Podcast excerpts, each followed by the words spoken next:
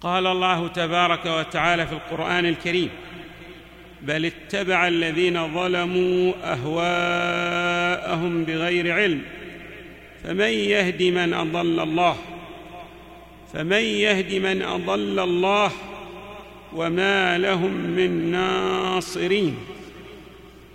صدق الله العلي العظيم. من الأمور الهامة التي ينبغي أن يلتفت إليها المؤمن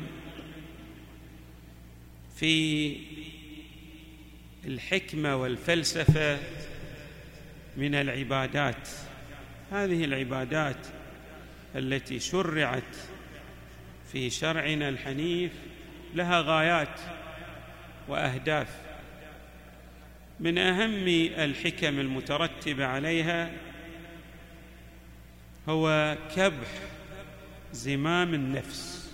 الإنسان يستطيع السيطرة على نفسه بواسطة الإتيان بهذه العبادات. ولهذا جاء قوله تعالى واستعينوا بالصبر والصلاة بالخصوص الصوم الذي نحن نستقبله حكمته السيطرة على الأهواء والغرائز. غير أن من أهم ما يحققه الصوم هو أن يسيطر الإنسان على هواه. قبل أن نتحدث عن معنى الهوى أو ضرر الهوى في آي القرآن الكريم. وكذلك في الروايات لا بد أن نشير ما معنى غلبة الهوى. لاحظوا في كل أمر يخطر للإنسان. هناك نوازع بمعنى أمور تدعو الإنسان إلى مجموعة من الأشياء بمعنى أن في كل شيء هناك خيارات متعددة بالاصطلاح الحديث. ما يخطر على بالك شيء إلا وهناك خيارات متعددة لهذا الشيء. تريد أن تقوم للصلاة؟ عندك أيضا تقول خلني مثلا أفعل بعض الأشياء ثم أؤدي الصلاة. وقد يكون بعض الأشياء أهم أداء من أداء الصلاة في أول وقتها. لا نقول هذا يعني نعم. في بعض الأمور كان يكون هناك مريض يحتاج أن توصله إلى المستشفى. مو قصدي أقول إن الإنسان يدع كل أمر بس أقول هناك خيارات متعددة. بعض الخيارات فيها ميل للنفس بمعنى رضا للنفس على حساب ما يريده الله تبارك وتعالى وعلى حساب الومضات التي تنقدح من عقل الإنسان.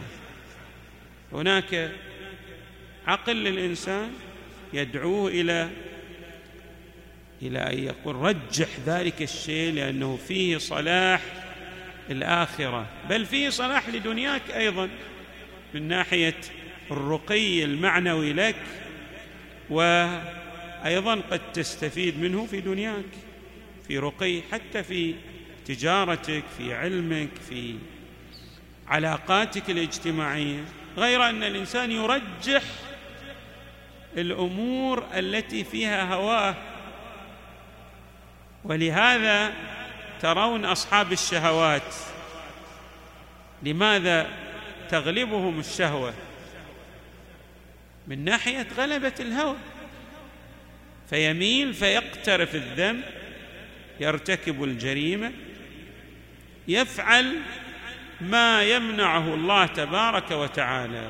فاذا الهوى هو أحد الخيارات التي لا تنسجم مع إضاءة العقل ولا مع ما يريده الشارع. في بعض الأحايين هناك أمور يريدها الشارع. وأنت مثلا شوف شخص لا ترتاح إليه. شخص ما ترتاح إليه. هواك يدعوك للحديث عنه بشيء سيء لكن ما عندك دليل ضده. أو البينات تنقصك. بلحاظ عالم الواقع ما عندك أي شيء لكن لا ترتاح إليه نفسيا. عدم الراحة النفسية هل تخول لك أن تتحدث عنه بسوء؟ أو عندك أمور لكن غير كافية للحديث عنه بسوء؟ هنا يأتي. من يغلب مصلحة العاقل واتباع أوامر الشارع هذا يسير في جادة الصواب. من يغلب الهوى؟ لا. يعني لا يرعوي وإنما يبدأ للحديث في الشخص الذي لا يرتاح إليه بسوء. هذا غلبة الهوى. السلام اصولا الروايات متواترة عن النبي صلى الله عليه واله بالإضافة إلى آية القرآن الكريم. الروايات متواترة في ذم هذا النحو من الطاعة المطلقة للشيطان في الحقيقة. طاعة للشيطان غلبة الهوى طاعة للشيطان. ولذلك ترون الإنسان لماذا يخسر الكثير من منجزاته؟ ويرد على الله صفر اليدين بسبب غلبة الهوى. ما يشوف له أعمال. عنده أعمال خير ولكن أعمال الخير تصبح في موازين غيره. موازين الغير تنتقل إليها هذه الأعمال. لنقرأ بعضا من الروايات الواردة في هذا الشأن. النبي صلى الله عليه وآله يقول كف أذاك عن نفسك ولا تتابع هواها في معصية الله. أحسن إلى نفسك كف الأذى عن نفسك ولا تتبع الهوى في معصية الله. اذا تخاصمك يوم القيامة فيلعن بعضك بعضا. مثلا صدر كلام سيء في حق الغير بقية الجوارح تلعن هذا اللسان وتلعن بعض الأمور الأخرى أيضا الرجلين التي خطت في معصية الله. فيلعن بعضك بعضا. وقالوا لجلودهم لما لجلودهم لم شهدتم علينا؟ قالوا أنطقنا الله. هذا نص قرآني.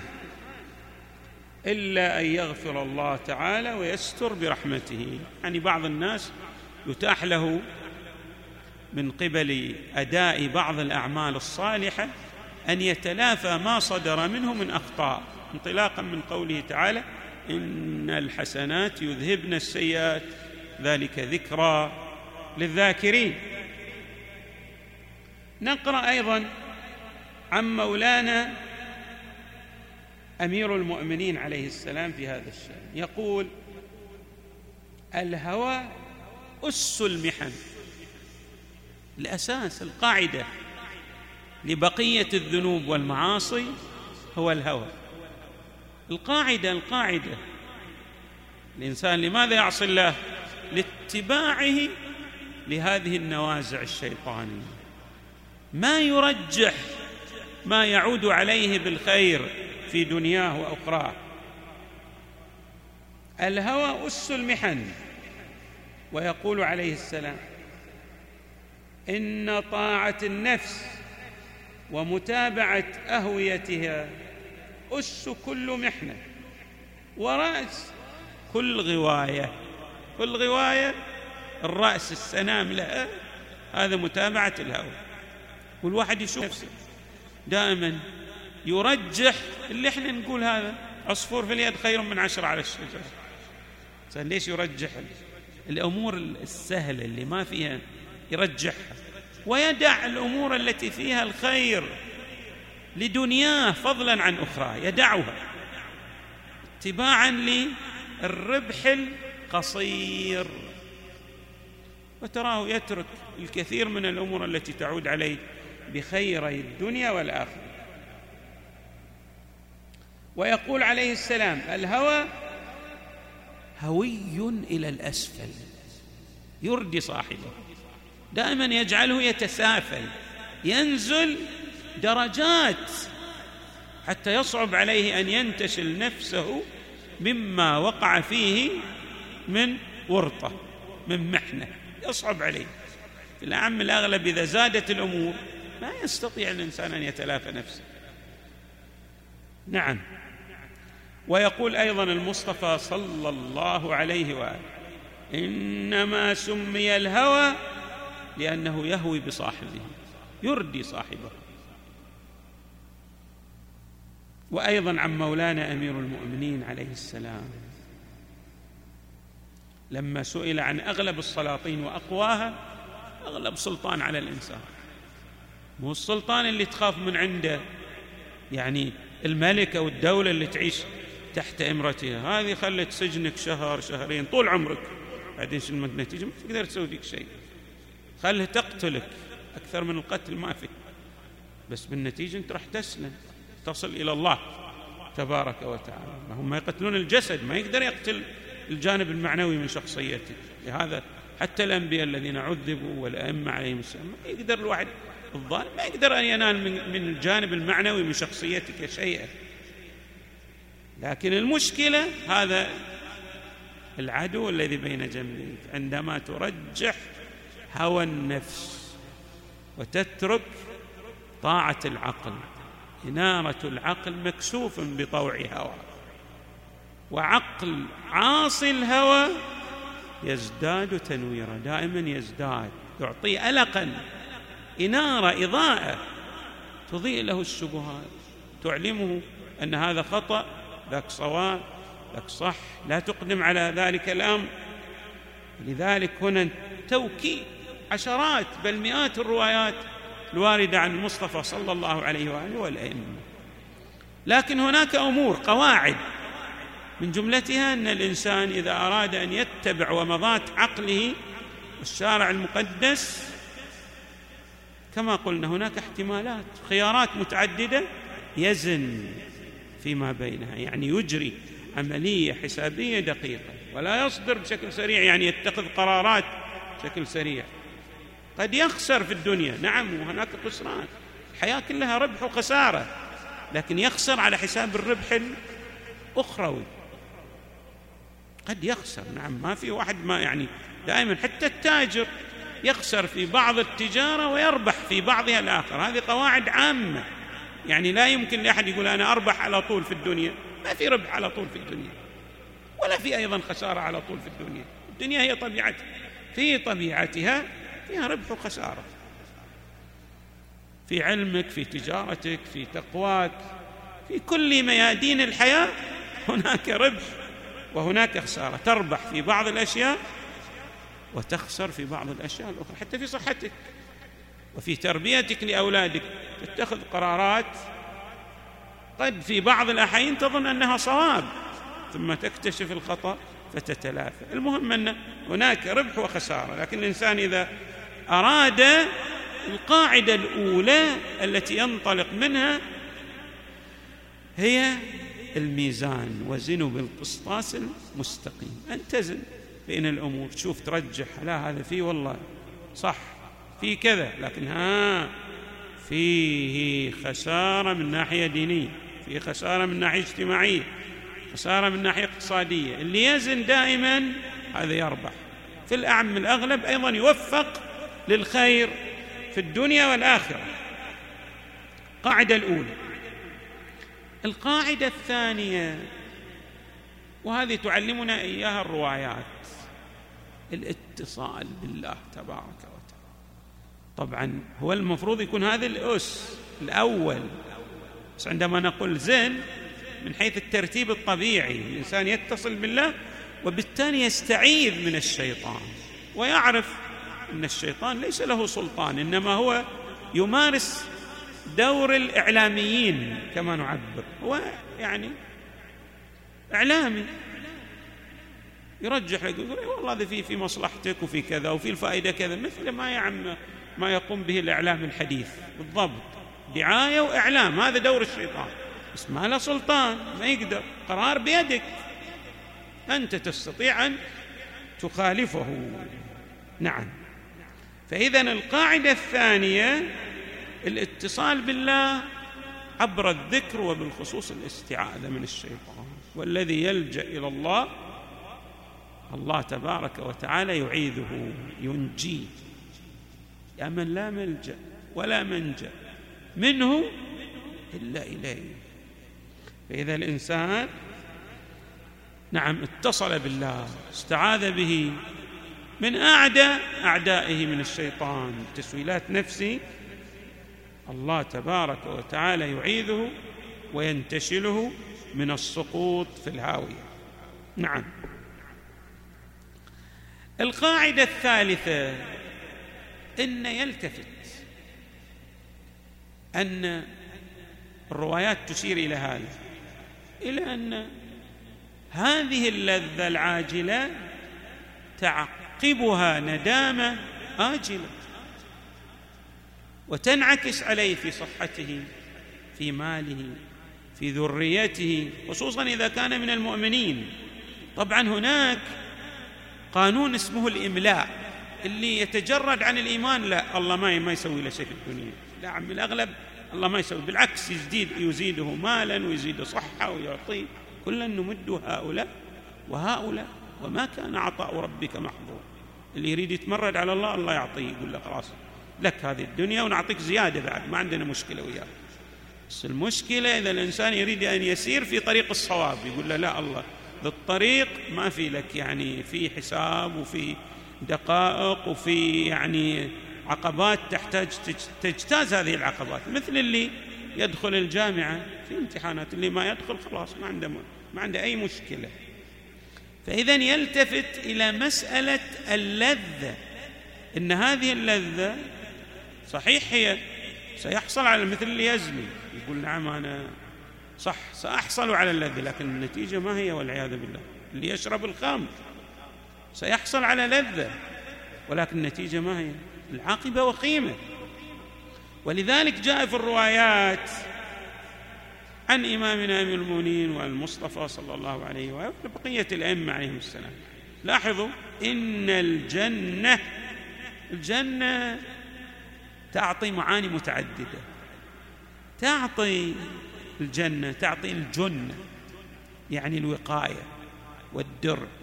إنك إذا تريد أن تحصن نفسك شنو؟ لا بد أن تترك الشهوات. لا بد. إن الجنة حفت بالمكاره وإن النار حفت بالشهوات. ذي عليها يعني مقترنة بها أمور وذيك مقترنة بها وأنت كما قلنا هناك خيارات متعددة.